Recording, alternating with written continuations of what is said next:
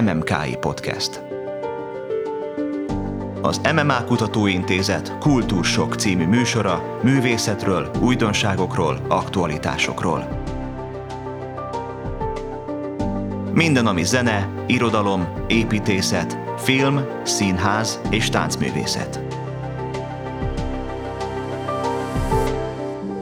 MMKI Podcast.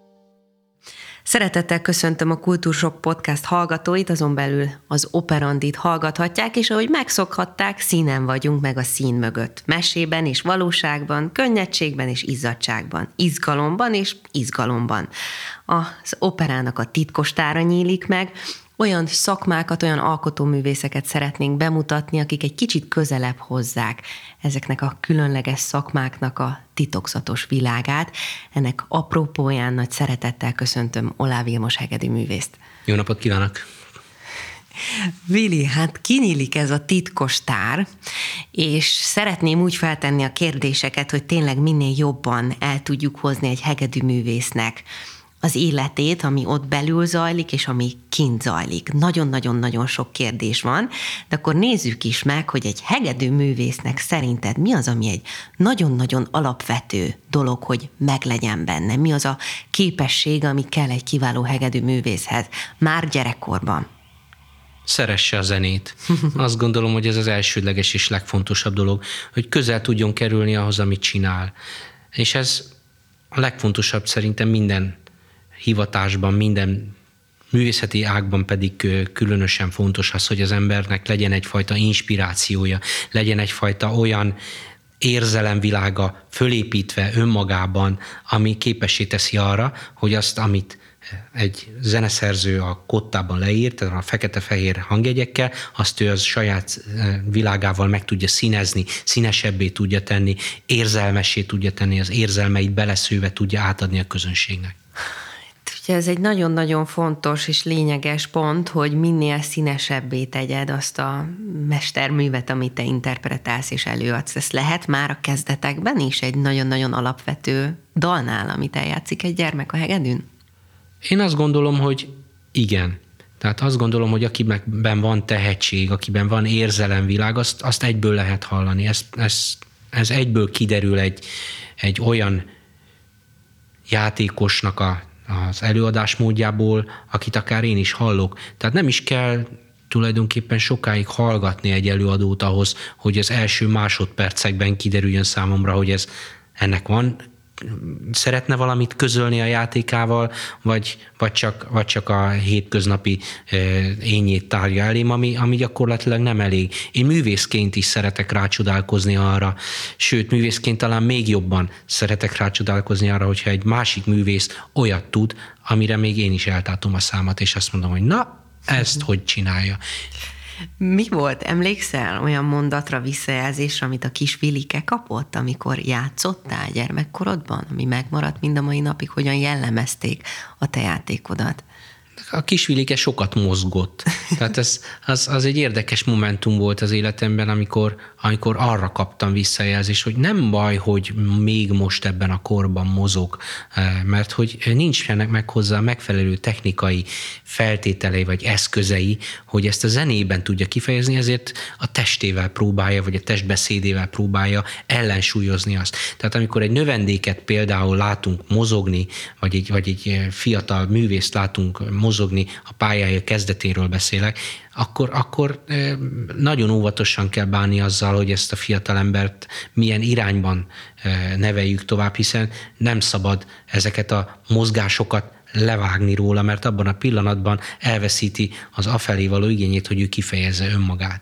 Tehát ez egy nagyon fontos pedagógiai szempont is, hogy, hogy addig, ameddig az embernek nincsenek meg a megfelelő technikai eszközei ahhoz, hogy a teljes érzelmem, érzelemtárát ki tudja fejezni, addig igenis ilyen pócselekvésekre van szükség. Ezért a legnagyobb művészeket, ha megnézzük, a nagy múltú, nagy, nagy hegedűsöket, zongoristákat, énekeseket, vagy akármilyen hangszereseket, a lehető legminimálisabb mozgással játszanak. Nézzünk meg egy Kocsis Zoltánt, vagy egy Vás Vásári Tamást, vagy egy Kovács Dénest, vagy egy Fenyves Lórántot. Nem volt szükség arra, hogy, hogy három az egyben produkciót adjanak a színpadon, hangszeres művészként táncoljanak, énekelnek, és még flikflakot is hányjanak, hanem egyszerűen beálltak a, a színpad közepére, és pontosan a közönségnek is elegendő volt az az érzelmi töltet, amit átadtak, és nem vont el a figyelmet a valóságról, amit a zenében közölni akartak. A te valóságodról sem vont el senki a figyelmet már kisgyerekként, mert megszületett benned az a vágy, hogy hú, te ki szeretnéd próbálni ezt a hangszert, amit meghallottál. Így van, és eh, négy éves voltam, amikor rádióban hallottam egy lemezfelvételt, egy eh, azt gondolnám, hogy egy Carmen részlet volt eh, Sarasate átiratában, és Jasa Heifetz játszotta, és annyira tetszett, hogy azt édesanyámnak jeleztem, hogy hát én szeretnék hegedülni tanulni, és mondta, hogy hát rendben van, rendben van, akkor menjünk a zeneiskolába, és vett is nekem egy pici lemez hegedűt, félve attól, hogy a fából készült hangszert azt esetleg összetörném, de, de nem, nem törtem össze, legalábbis a lemez hegedűvel kapcsolatban nem voltak ilyen emlékeim, hogy, hogy összetörtem volna, lehet, hogy azért megpróbáltam mondjuk beleharapni, de ez, ez, ez, erről már nem szól a fáma. Én, én azt gondolom, hogy nagyon fontos az, hogy az ember találkozzon a zenével. Majdnem minden zene pedagógiai alapmű ezt mondja, hogy már az anyamékben el kell kezdeni hallgatni a zenét is, és én azt gondolom, hogy, hogy ez így is van, hiszen a zene az formáló, olyan, megint csak olyan dolgot tudok mondani, amit nem én találtam ki, hanem Kodály Zoltán, de még az önálló sokkal ősebbi, régebbi görög nagy filozófusok mondják azt, hogy, hogy a zene az, ami a léleknek a legmélyebb rétegeibe el tud jutni szavak nélkül, és ez nagyon fontos, érzelmeket tud kiváltani, és érzelmeket biztosít, és ez, ez a mi feladatunk művészeknek, hogy ezeket az érzelmeket, érzelmi csatornákat ki tudjuk nyitni, és eljutni az emberek szívéhez, lelkéhez. Édesanyád hallgatta veled a zenét, amikor benne voltál a pocakjában, ha már felhozod ezt? Igen, én azt gondolom, hogy igen, már sajnos ő nem él, de, de az elmondása szerint, amikor tudtunk beszélgetni erről, akkor mindig mondta, hogy ő sok zenét hallgatott, mm. és neki fontos volt a, a zene, és, és ezért valószínűleg az én kezdeményezésem arra, hogy kezdjek hegedűt tanulni, vagy zenét tanulni egyáltalán, ez ebből fakadt. Azt már tudjuk rólad, hogy mozgékony voltál, azt tudjuk, hogy hogyan jött ez az út, hogy már kicsi gyermekként benned volt a vágy, hogy a hegedűt a kezedbe vegyed, no de aztán hogyan tovább, ugye nagyon nehéz egy rövid beszélgetésben ennyi nagy mérföldkövet érinteni, de mégis arra kérlek, hogy egy picit választ ki azokat a, azokat a mérföldköveket, azok, amelyek megtörténtek a tanulmányaid során. Tulajdonképpen normális zeneiskolai tanulmányokat kezdtem, aztán végigmentem azon a fokozaton, ahol, amin majdnem mindenki, tehát konzervatórium, aztán zeneművészeti főiskola, rengeteg mesterkurzus, versenyek. Ez itt a, a országos hegedűverseny, ami régen egy ilyen volt, most már 159 ezer van egy országban, ami szerintem fölhígítja, és nem kellene, hogy ennyi legyen, de akkoriban még csak egy volt, ezért összpontosítva tudott figyelni rá mindenki, ki tudta válogatni a tehetséget, volt egy olyan szakmai grémium, ahol mindenki tudta, hogy milyen irányba kell haladni. Na ezt akkor, amikor még csak egy verseny volt, akkor én ezt három alkalommal nyertem meg a verseny történetében egyedülállóan, tehát ez annyit jelent civil nyelvre lefordítva, hogy az országban háromszor én voltam a legjobb, országos bajnok mondjuk így akkor, és aztán amikor a világban elindultam, ott is mindig első díjat nyertem Luxemburgban, Salzburgban, Los Angelesben, tehát olyan helyeken, ahol rangos, rangos művészeti versenyek voltak, ott én gyakorlatilag gyakorlatilag mindig ez első díjat kaptam. Akkor itt álljunk is meg, mert ez fantasztikus teljesítmény, de ugye itt csak félváról elszóltad, hogy hány helyen voltál, amikor nemzetközi megmérettetésekre kerültél.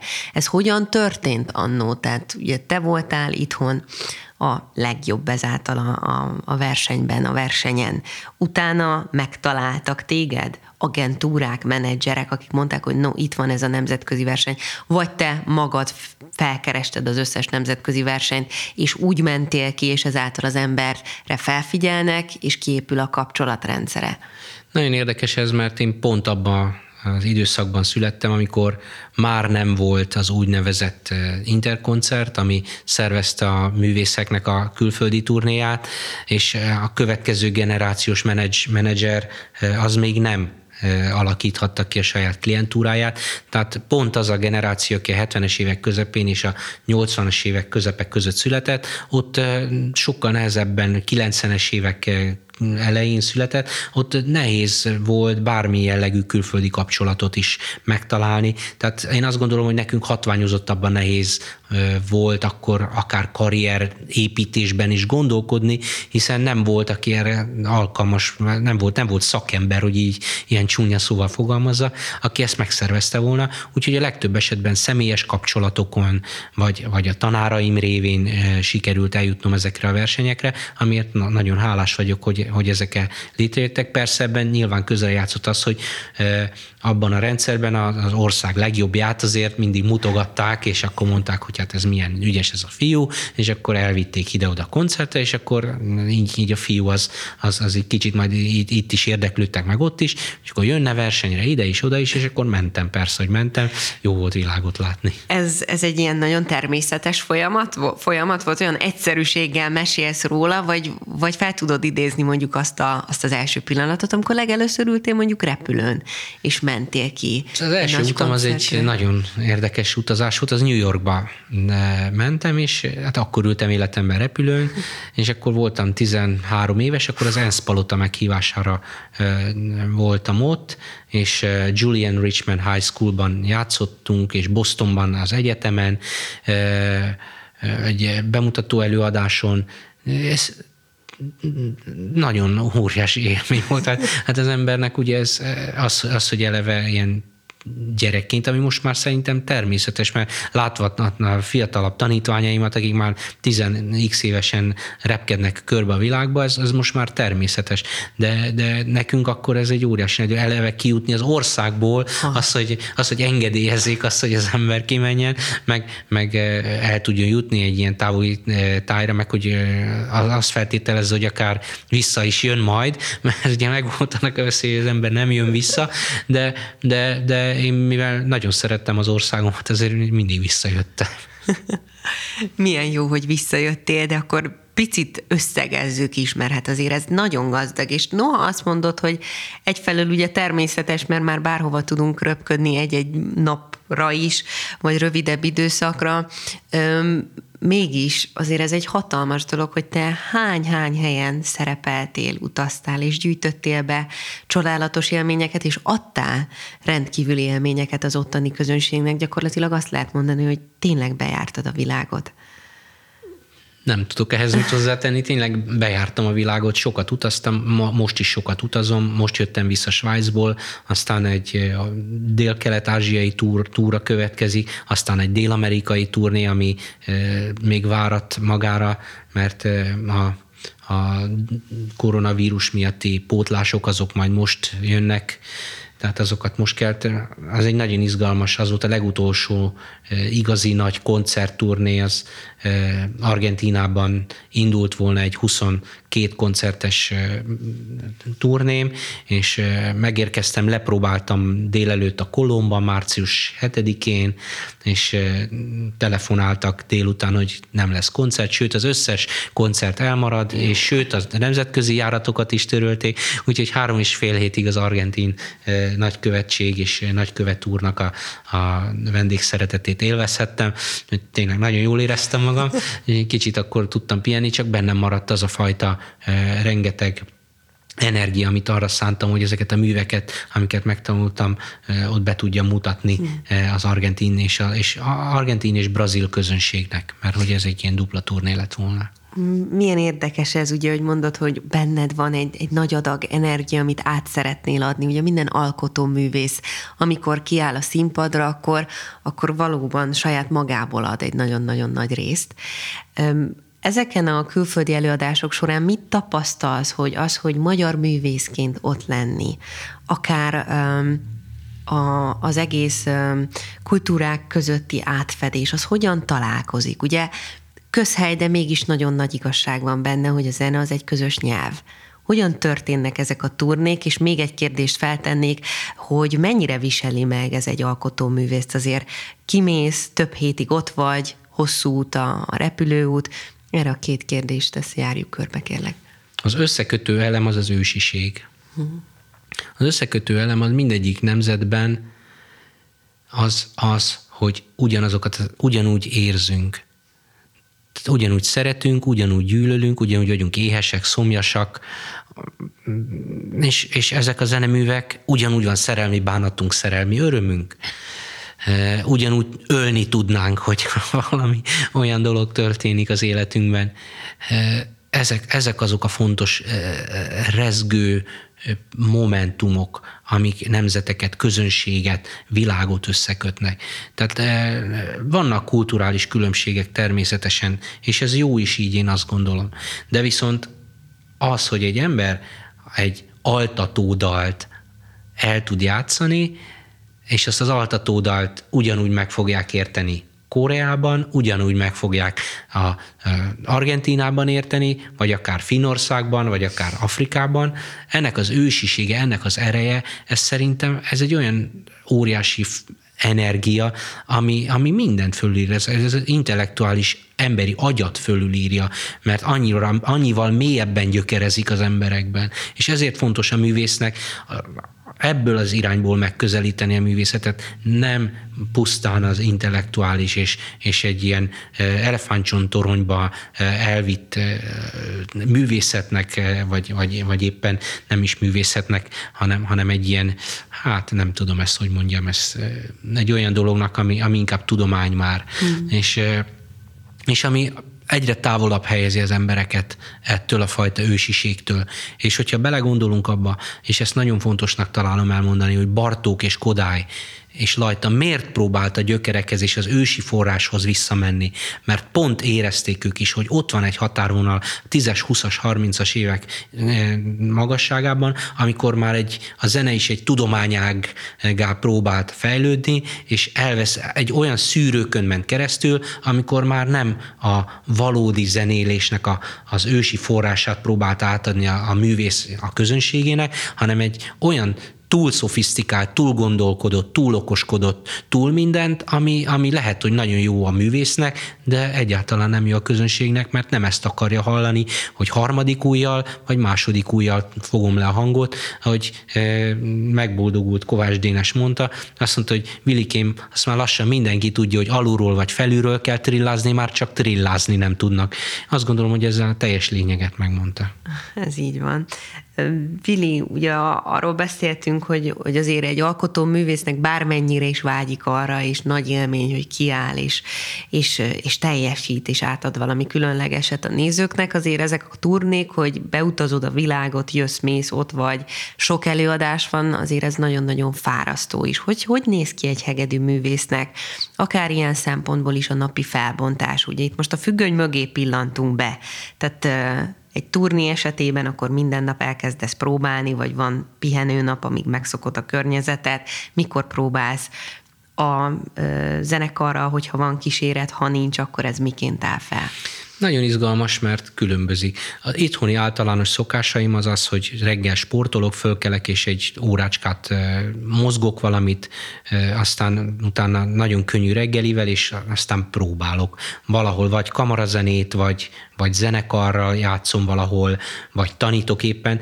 A külföldi turnéknál ez, ez mindig változik, tehát ez a, a menedzs, menedzselés szempontjából is sok, sok mindenem függ, hogy az ember kap-e pihenőnapot, vagy, vagy úgy van már beosztva az ideje. Én szeretek aktív lenni. Tehát én, hogyha megérkezek, volt olyan például uh, Vietnámba érkeztem meg úgy, hogy főpróba, dél, délután megérkezett a repülőm, és már este koncert előtti főpróba, és este koncert. És akkor hegedültem és brácsáztam is. Azt. Az egy olyan dupla koncert volt, mert ott egy Paganini koncertet játszottam a, a, a, a hanoi filharmonikusokkal, egy japán karmesterrel, meg egy e, japán brácsás, japán hegedűssel játszottam szimfónia koncertántét, úgyhogy én brácsáztam. Tehát ez egy, azért egy izgalmas volt. És amikor ilyenkor el, eljutok ilyen messzi tájakra, akkor nagyon nagy örömmel viszem a, a magyar iskolának a hírét, nevét, a hubai e, Joachim, Flash, Auer féle vonalat, elviszem és megosztom Zaturecki vonalat, és ezeknek az egyetemeknek, akik ott eljönnek erre a koncertre, és meghallgatják, másnap jön a felkérés, hogy akkor a művész úr akkor jöjjön és tartson mesterkurzust. Egy kicsit másképpen működik, mint az, hogy én magam fölajánlom, és azt mondom, hogy megyek és tanítok, hanem eljönnek a koncert, és tetszik, és azután jönnek el, és mondják azt, hogy ja, hát ez jó, ez valamit tud. Hmm. Ettől érdemes tanulni. Ugye itt említetted, hogy már is megérkeztél, aznap előadás, kétféle művet előadsz, ugye más hangszeren, ez, ez elképesztő koncentrációt igényel. Tehát lehet azt mondani, hogy ez az a plusz, ami kell egy hegedű művésznek, vagy egy művész esetében. Nem elég a technika, nem elég az, hogy színesen játszon, nem elég a személyisége, hanem egy kell egy nagyon-nagyon erős, különleges koncentrációs képesség. Igen, itt a Kodálynak a négy legfontosabb e, eszközét mondanám, kiművelt elme, kiművelt hallás, kiművelt szív és kiművelt kéz. Ez nagyon fontos ennek az összhangban tartása. Kodály is azt mondja, hogy ezekből bármelyik előnyre tesz szert a másikkal szembe, akkor baj van, és probléma van. Sokszor hallunk olyat, amikor valaki nagyon virtuózan és gyorsan tud játszani, de művészileg vagy, vagy, vagy töltetileg, érzelmi töltetileg nem tud hozzáadni, vagy éppen fordítva, érzelmi töltetben sokat kapunk, de viszont tele van hibával, vagy éppen a keze nem tudja eljátszani azokat a futamokat. Tehát ezek, én azt gondolom, hogy Kodálynak ebben a, a, a, a mondásában a legfontosabb a, a harmónia és a harmóniára való törekvés, és arra, hogy, hogy egy művész ezt meg tudja önmagában és a környezetében teremteni, hogy ezt át is tudja adni azoknak, akik hallgatják őt. Mennyiben számít mindezek mellett az, hogy milyen hegedűn, vagy milyen hangszeren játszik az adott alkotóművész? Nem vagyunk olyan szerencsések, mint az énekesek, hogy, hogy a saját hangszerüket hordozzák magukkal, hanem e, különböző e, mesterhangszereken e, játszunk általában, és ez meghatározó egy, egy művész életében, hogy milyen mesterhangszeren játszik, és, mik, és, és hogyan tudja ezen a mesterhangszeren megszólaltatni azokat a zenéket, amik, eh, amik, amik eh, íródtak. Én általában nagyon szeretem a magyar mesterhangszereket, a kortás magyar hangszereket, mert, mert azt gondolom, hogy azok a kortás magyar hangszerkészítők, akik eh, most itt a körünkben élnek, bátran állíthatom, hogy a világ én vonalába tartoznak, és fantasztikus produktumokkal látják el a magyar zenészeket, magyar művészeket, és remélem, hogy külföldre is eljut a hírnevük, és én ezen nagyon rajta vagyok, hogy, hogy, hogy ezeket a hangszereket ne csak az országunkban, bár itt is jó lenne, hogyha egy kicsit több figyelmet fordítanánk rá, és azt mondanánk, hogy már pedig milyen kiváló szakemberekkel vagyunk itt körül, és ezt meg is mutassuk a felnövekvő fiatal generációnak, hiszen számukra lenne fontos tudni azt, hogy nem kell azért más országba elutazni, hogy hangszert szerezzek, miközben itt van az órunk előtt egy olyan fantasztikus készítőknek a sora, akik, akik egyszerűen el, elkápráztatnak minket nap, mint nap hangszerekkel. Mi lehet ennek a, a titka, hogy, hogy fel kell hívni újból a figyelmet rá, hiszen óriási dinasztiák vannak azért Magyarországon, ahol öröklődik, vagy öröklődött generációkon át a hangszerkészítés. Én azt gondolom, hogy megint Kodály, tehát a Kodálynál uh-huh. jobb, jobb forrás, tehát a tüzet nem elég meggyújtani, őrizni is kell. Tehát én azt gondolom, hogy, hogy ezek a hangszerész dinasztiák, ezek persze ott voltak mindig, de jönnek az új újdonságok, az új, új szelek, az új hóbortok, azt mondani, hogy, hogy hát én most már innentől kezdve nem az X autóval járok, hanem Y-nal fogok járni, vagy nem ezt a terméket fogom megvenni, hanem majd inkább külföldről hozok magamnak egy sokkal márkásabbat, ami sokkal jobb reklámot kapott feltételezem, de nem feltétlenül jobb minőségben, csak azért, mert még kevesebb kevesebbet hallottam róla. Ez egy ilyen kicsit ilyen, ilyen trendi dolog, én azt gondolom, meg, meg ugye vannak emberek, akik meglovagolnak ilyen trendeket, és akkor ebből próbálnak szerencsét csinálni, és pénzt elsősorban. És ezért hiszek abban, hogy, hogy nekünk, mi magyar művészeknek nagy, nagy a felelősségünk abban, hogy ezt mindig elmondjuk, hogy igen, jók azok az olasz hangszerek, meg azok a francia, meg a német hangszerek is, mert ott is vannak kiváló, de a magyar hangszerek is vannak olyan kiválóak, sőt, ha lehet, akkor még kiválóbbak. Vili, akkor kérném szépen a segítségedet abban, hogy egy kicsit tisztába tegyük. Tehát, hogyha egy nem, nem zenész befárad egy terembe, és meghallgatja a különböző hangszereken mondjuk a te játékodat, akkor mit tapasztalhat, vagy megfordítom, hogy, hogy miben rejlik annak a titka vagy a különlegessége, hogy kikészíti azt a hangszert? A hangszereknek az adottsága az már körülbelül 400 év óta azonos. Tehát építésében változás nem történt. A faanyag az, amit beldolgoznak, itt inkább az a fajta eh, mesterségbeli tudás, amit eh, ezekhez a faanyagokhoz, akár a lakkozási technikában, akár a fa kidolgozásában hozzá tud tenni egy hangszerkészítő mester, azt teszi egyébként még különlegesebbé, vagy izgalmasabbá, vagy megkülönböztethetővé egyik hangszert a másiktól. Hiszen emberek, ember kézzel készült, mi emberek se vagyunk ugyanolyanok, nincs két ugyanolyan ember, azt mondják, és ebben van is igazság, bár hasonlót találunk is, de, de ugyanolyat minden milliméterében vagy formátumában nem fogunk. Tehát ezért fontos azt, azt gondolom hangsúlyozni, hogy egy, egy egyedi mester által készített hangszer az azért értékes, mert abban benne van a mesternek a leg, legjobb tudása. Akkor van szerencsénk, hogy ezt a mestert még személyesen ismerjük is, tudjuk egymást inspirálni, tudjuk azt mondani, hogy figyelj, nekem most ez az, az azért nem tetszett a legutóbbi hangszer, mert egy kicsit szerintem túl magas volt a hangja, vagy egy kicsit túl mély, vagy, vagy itt nem, nem tud annyira átszólni a zenekaron. Itt szerintem még hangerőben valamit kellene kitalálni, hogy hogyan lehetne ezt jobbá tenni tenni. Vagy viszont eljön a koncertemre, és azt mondja, hát most nekem ez a hangszer, amin játszottál, az nem tetszett, mert és ha észérvekkel tudja megfogalmazni, hogy miért, akkor elfogadom. Hmm. Tehát akkor van közöttetek egy abszolút párbeszéd, neked van egy összefogásod is, tehát te tényleg mentorálod ezeket a magyar alkotóművészeket, akik a hangszereket készítik, és szeretnéd a, a hírét vinni, és buzdítani a tanítványaidat, és mindenkit arra, hogy tessék befáradni a magyar hangszerkészítők műhelyébe? Ennek eh, tulajdonképpen Szecsődi Ferenc a, a dohányja ebben az országban, és ő rengeteget tesz azért a Magyar Művészeti Akadémia segítségével, hogy, hogy ezek a hangszerek, a magyar, magyar hangszerek magyar kézbe kerüljenek. Én, én nagyon becsülöm az ő munkáját, és azt gondolom, hogy ez egy nagyon olyan tevékenység, amit az ország határain kívül is meg kell mutatni. Tehát nagy, nagyban érdemes gondolkodni, mert ezek olyan produktumok, amik, mindenkinek hallania és látnia kell, és hogyha ez el tud jutni egy olyan szintre, hogy, hogy ezt akár bármely kontinensen be lehessen mutatni, akkor ez egy óriási nagy nyereség lenne mindenki számára. Én azt gondolom, hogy ez egy költői kérdés, de mégis fel kell, hogy tegyem, hiszen számtalan címlapon szoktuk olvasni, hogy XY-a milyen Stradivari játszott, vagy XY-a több millió forintos vagy dolláros hangszeren játszott. Ez csupán marketing? Stradivari esetében azt gondolom, hogy nem. Tehát azért eh, vannak különleges és nagyon ritka műkincs kategóriába. Az árát most nem kezdem el firtatni, mert ez azt gondolom, hogy nem, nem mutatok vele senkit, mert, hmm.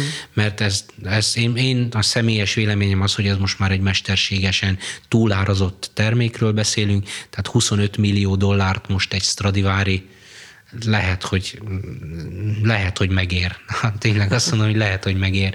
De, de valójában annyival nem tud többet, mint egy, mint egy nála kevéssé értékelt, vagy kevéssé közismert. Tehát mindenki jobban ismeri azt a fogkrémet, amit orba, szájba ugye reklámoznak, hogy így fogalmazza, hogy akkor stílusos is legyen, mint azt, amit esetleg nem, most látok először a polcon, azt fogom megvenni természetesen, amelyeket már valamilyen szinten ismerem. Tehát ezért lenne fontos marketinges szempontból, vagy, vagy olyan embereknek, akik tudnak magyar hangszerbe fektetni, vagy, vagy, vagy segíteni a magyar hegedűkészítést, a hangszerészipart, a kézművesipart, és ezzel fiatal tehetségekhez eljutatni ezeket a hangszereket, hogy ezek a, ezek a mesterhangszerek tényleg jó, jó kezekbe kerüljenek, és töredékéről beszélünk az ár, ár tekintetében egy, egy magyar hangszer esetében a, a, a nagy antikolasz hangszerekkel szemben. És ugye ez nem másodlagos szempont, hiszen ne felejtsük el, hogy, hogy egy, egy a pályáján, vagy a pályáján elején álló művész, a pálya elején álló művésznek, egy fiatalnak igenis kihívást jelentett az, hogy mennyire és milyen hangszer tud magának megengedni. A legtöbb esetben nem is tudja. Hm.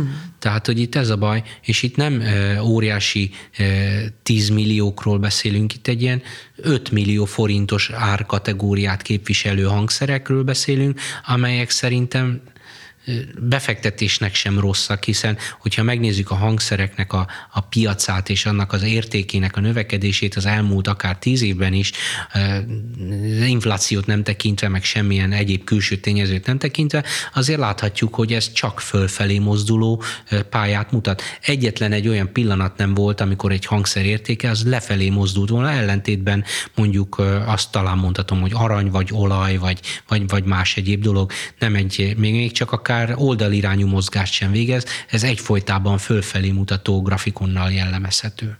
Tehát akkor itt buzdítunk mindenkit, hogy tessék eleve csak az internetet kinyitni és felütni a magyar hangszerkészítőket, hiszen gondolom nehéz kiemelni egyet-egyet, vagy van-e olyan, amit te mondjuk kalauzként tudnál ajánlani, hogy, hogy érdemes utána nézni és befáradni ezekbe a műhelyekbe? Létrehoztunk egy alapítványt Fischer Ádámmal, amihez olyan nagyszerű művészek is csatlakoztak, mint Vásári Tamás, Hozé Kura, Ricardo Frica, remélem, hogy nem hagytam ki senkit a, a névsorból, a Japán vonós társaság eh, elnöke, eh, is eh, becsatlakozott hozzánk. Azt gondolom, hogy olyan nevek, akik hisznek a fiatalságban. Itt ezen a honlapon, ami a, a, arról szól, hogy a fiatal művészeknek a hegedűt hogyan lehet eljuttatni. Ezen érdemes azt gondolom egy picit körbenézni. Mesterhegedűt a ringnek ez a neve az alapítványnak, ez a honlap címe is, mesterhegedűtaringnek.hu, itt tudnak utána nézni azoknak a készítőknek, akikkel az alapítvány eh, kapcsolatban van, azoknak a műveit, ezeknek a, a eh, kézműves remekeit, eh, magyar, ember át, magyar emberek által készített mesterhangszereket, amik azt gondolom, hogy a világ élvonalába tartoznak. Nagyon sok mindent érintettünk már itt a mai beszélgetés során, hogy melyek azok a képességek, amelyek szükségeltetnek egy hegedű művész életében. Sokszor idéztett Kodált, beszéltünk a hangszerválasztásról. De akkor én tovább mennék, hogy mennyiben számít egy hegedű művésznek az, hogy egyedül áll a színpadon, vagy az, hogy zenekarban mással együtt zenél, és hogy mit akar a koncertmesterség, hiszen te eme, eme szegmensben is jelen vagy, és, és összefogod a, a további alkotóművészeket. Ez csak a mostani kornak lett a terméke, hogy, hogy az embert így be, beskatujázzák. Én nagyon nem szerettem magam beskatujázni. Én, én elsősorban zenésznek érzem magam. Zenész vagyok, ezen belül mindig azt a pozíciót látom el, amelyikben éppen a leghasznosabb, leg, legtöbben veszik a hasznomat. Én azt gondolom, hogy akár nem is olyan távoli múltat megnézve, azok a nagy művészek, akiket már a korábbiakban említettem, azok nem csak szólisták voltak, hanem tanárok voltak, kvartett primáriusok voltak, koncertmesterek voltak, zeneszerzők voltak, tehát olyan sok szegmensből és rétegben ismerték meg a zenét, ami egyik a másik nélkül nem működhet. Tehát ahhoz, hogy én igazából jól el tudjam játszani azt, ahogy ezt a szerző valójában gondolta, azt a zeneművet, ahhoz nekem minden rétegében és, és szegmenséből ismernem kell. Az, hogy tudjam, hogy a Brahms hegedű verseny hogyan keletkezett, nem elég csak olyan pontossággal belemenni az intellektuális részébe, hogy, hogy, a, hogy D-molban van, vagy D-durban, mert ez kevés, mert ez az alap. Innentől kezdődik el egyfajta fejben való összerakása azoknak az ismereteket, ami, ismereteknek, amelyeket az ember összeszerez, és akkor ehhez jön az, még pluszban, hogy milyen érzelmi töltettel láttál annak idején Brahms, mi volt az, ami őt befolyásolta. Hiszen, hogyha megnézzük Brahmsot, csak most, ha már Brahmsról beszélünk, akkor de akár beszélhetnénk Lisztről is, hogyha megnézzük az ifjúkori portréikat, és aztán összehasonlítjuk a későbbiekkel, és nagyon érdekes, hogy a legtöbb ember, akivel beszélek, mindenki az idősebb kori Lisztre, az idősebb kori Brahmsra emlékszik, a nagy szakállas, nagy pocakos bácsikra, miközben mindkét esetben egy nagyon sármos fiatal emberről beszélünk, tehát érdemes megnézni, hogy honnan indult, hogyan lett, és miért lett olyan. És akkor ez, ez egy kicsit közelebb visz a zenéjüknek a megértésében is. Tudjuk azt, hogy, hogy a Brahms hegedű verseny harmadik tétele milyen módon kapcsolódik például a Kossuth nótához, mert ez is kapcsolódik. Ezt például nagyon kevesen tudják azok, akik előadják ezt a versenyművet. És ez, ezek nagyon fontos szegmensek abból a szempontból, hogy megvan egy tudományos háttér, tehát azt is tudni kell, és közben az érzelmi és értelmi háttér, és közben az is, hogy jól el tudjam játszani, és, és jó hangszerem is legyen, iszonyatosan nehéz. Ja, az egyértelmű, hogy mennyi minden és mindenki találkozik egy személyben, egy alkotóművészben. Összesen lehet számolni, ahogy te is mondtad. Én mégis azért kérném, hogy egy picit beszéljünk arról, hogy, hogy, hogy milyen az, amikor az ember zenekarral játszik, vagy amikor valamilyen szinten a zenekar rá is támaszkodik, vagy milyen a karmesterrel a, a kooperáció, mert hogy most arra kérlek, hogy itt laikus szemszögből szeretnénk rátekinteni erre az oldalára az alkotó művészetednek? Zenekarban való játék és a zenekarral való játék az nagyon különbözik. A zenekarban való játék az, az, az egy kicsit önfeláldozó munka. Tehát az egyéniségnek a, a, a feláldozása egy, egy valami közösségi célért. Amikor az ember koncertmesterként működik közre, akkor, akkor tulajdonképpen egy ilyen közvetítő közeg a, a karmester és a zene és a többi ember között. Tehát egy ilyen médiumként eh, funkcionál, próbálja átvenni azokat a rezgéseket, zenei pillanatokat, amiket, amiket a karmester közvetít a zenekar felé. És egy karmester is általában nem a nem attól jó karmester valaki, hogy pontosan üt, hát ez, ez, ez, ez is egy tanulható része. Én azt gondolom, hogy a, az ütés technika, mint olyan, az egy, meg még, meg még a lexikális tudás sem egy olyan dolog, ami, ami feltétlenül kiemel egy karmestert. Egy karmesternek tulajdonképpen szerintem sokkal nehezebb dolga van, mert érzelmileg neki kell a legérettebbnek lenni, a leg, legjobban kell tudni, az érzelmeit tudni uralni, átadni a zenekar felé, hiszen ott egy olyan úgymond szakértő közeg van, aki ezt egyből tudja, egyből érzi, hogyha mondjuk egy karmester az e, kevéssé érett, vagy, vagy kevéssé felkészült érzelmileg egy-egy ilyen pillanatra.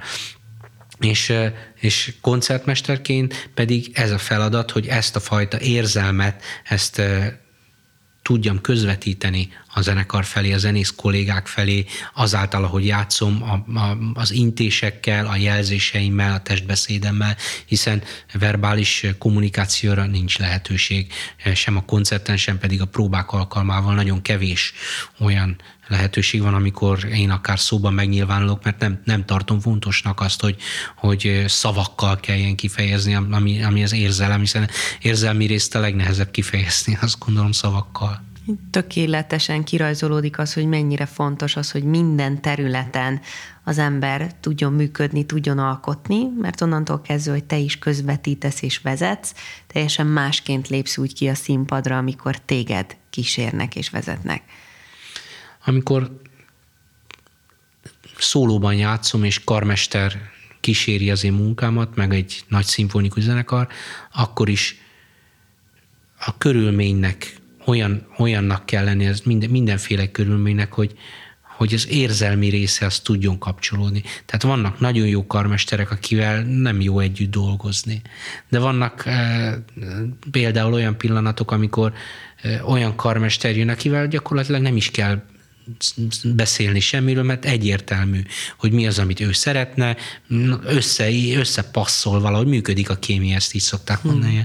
ha, ha, ha így akarom kifejezni. Tehát, hogy van, vannak olyan pillanatok, akivel lehet együtt kamarazenélni, megmarad az ő saját gondolata, megmarad az ő saját érzelemvilága, és megmarad a zenekarnak az arculata, de nem erőltet rá olyan dolgot, amit, ami a zenekar világától távol áll, vagy a zenekar arszpolitikájától, vagy akár, vagy akár az enyémtől is. Tehát tudunk úgy egy, egy ilyen kohéziót létrehozni, amiben egy nagyon jó produkció születik meg, és ezt a közönség érzi is. Így, hogy ezen területeken jelent, vagy ebből is merítkezve tudsz még több tudást átadni egy mesterkurzus vagy a tanítás során. Nagyon nehéz nyilván csokorba szedni, mert hát rengeteg munkaóra van benne, és egyénileg hallod és látod a, a zenészeket és adott személy szerint a tippet, de mégis mi az, amit, amit nagyon fontosnak tartasz, és amit mindig hangsúlyozol egy mesterkurzus vagy a tanítás során? Nagyon specifikusan én azt tudom mondani, hogy éljék az életüket. Hm. Tehát a hangszer, hangszerek, eh, hangszeres tudás megszerzése mellett legyen egy, legyen egy életük, legyen, amiben hozzá tudnak adni a hangszeres művészetükhöz, legyen egy olyan világ, amiben, amiből tudnak merítkezni, mert a hangszeres világ az véges, annak a technikája az nagyon-nagyon-nagyon végletes, és vég, végletekig el lehet játszani azzal, hogy, hogy hány centivel húzzuk a vonót, és hogy mi, de ezek annyira kevéssé fontossá válnak szerintem egy idő után, amikor már emberi, emberi mértékkel ezek nem mérhetők, amikor már arról van szó, hogy művészet, akkor ezek egyáltalán nem válnak fontossá, és akkor ott áll az ember, hogy egy, egy kiüresedett világban csak technokrataként próbál azon gondolkodni, hogy e, itt most kifelé fordítsam, vagy befelé, vagy lefelé, vagy fölfelé, és ez, ez, ez annyira távol van a zenének a saját, sajátjától, és a zene forrásának eredetétől, ami szerint szerintem egyértelműen érzelmi alapú, hogy, hogy, hogy teljesen elviheti az embert egy kiégettség állapotába, amit senkinek nem szeretnék kívánni. Tökéletes zárszó. Hol láthatunk téged az ősz folyamán, vagy a tél folyamán itt Magyarországon, és emellett még azt áruld el, hogy te miként éled ezt az életet, amit az imént említettél, akár még itt a, az elkövetkezendő hetekben rengeteg turnépótlás következik most.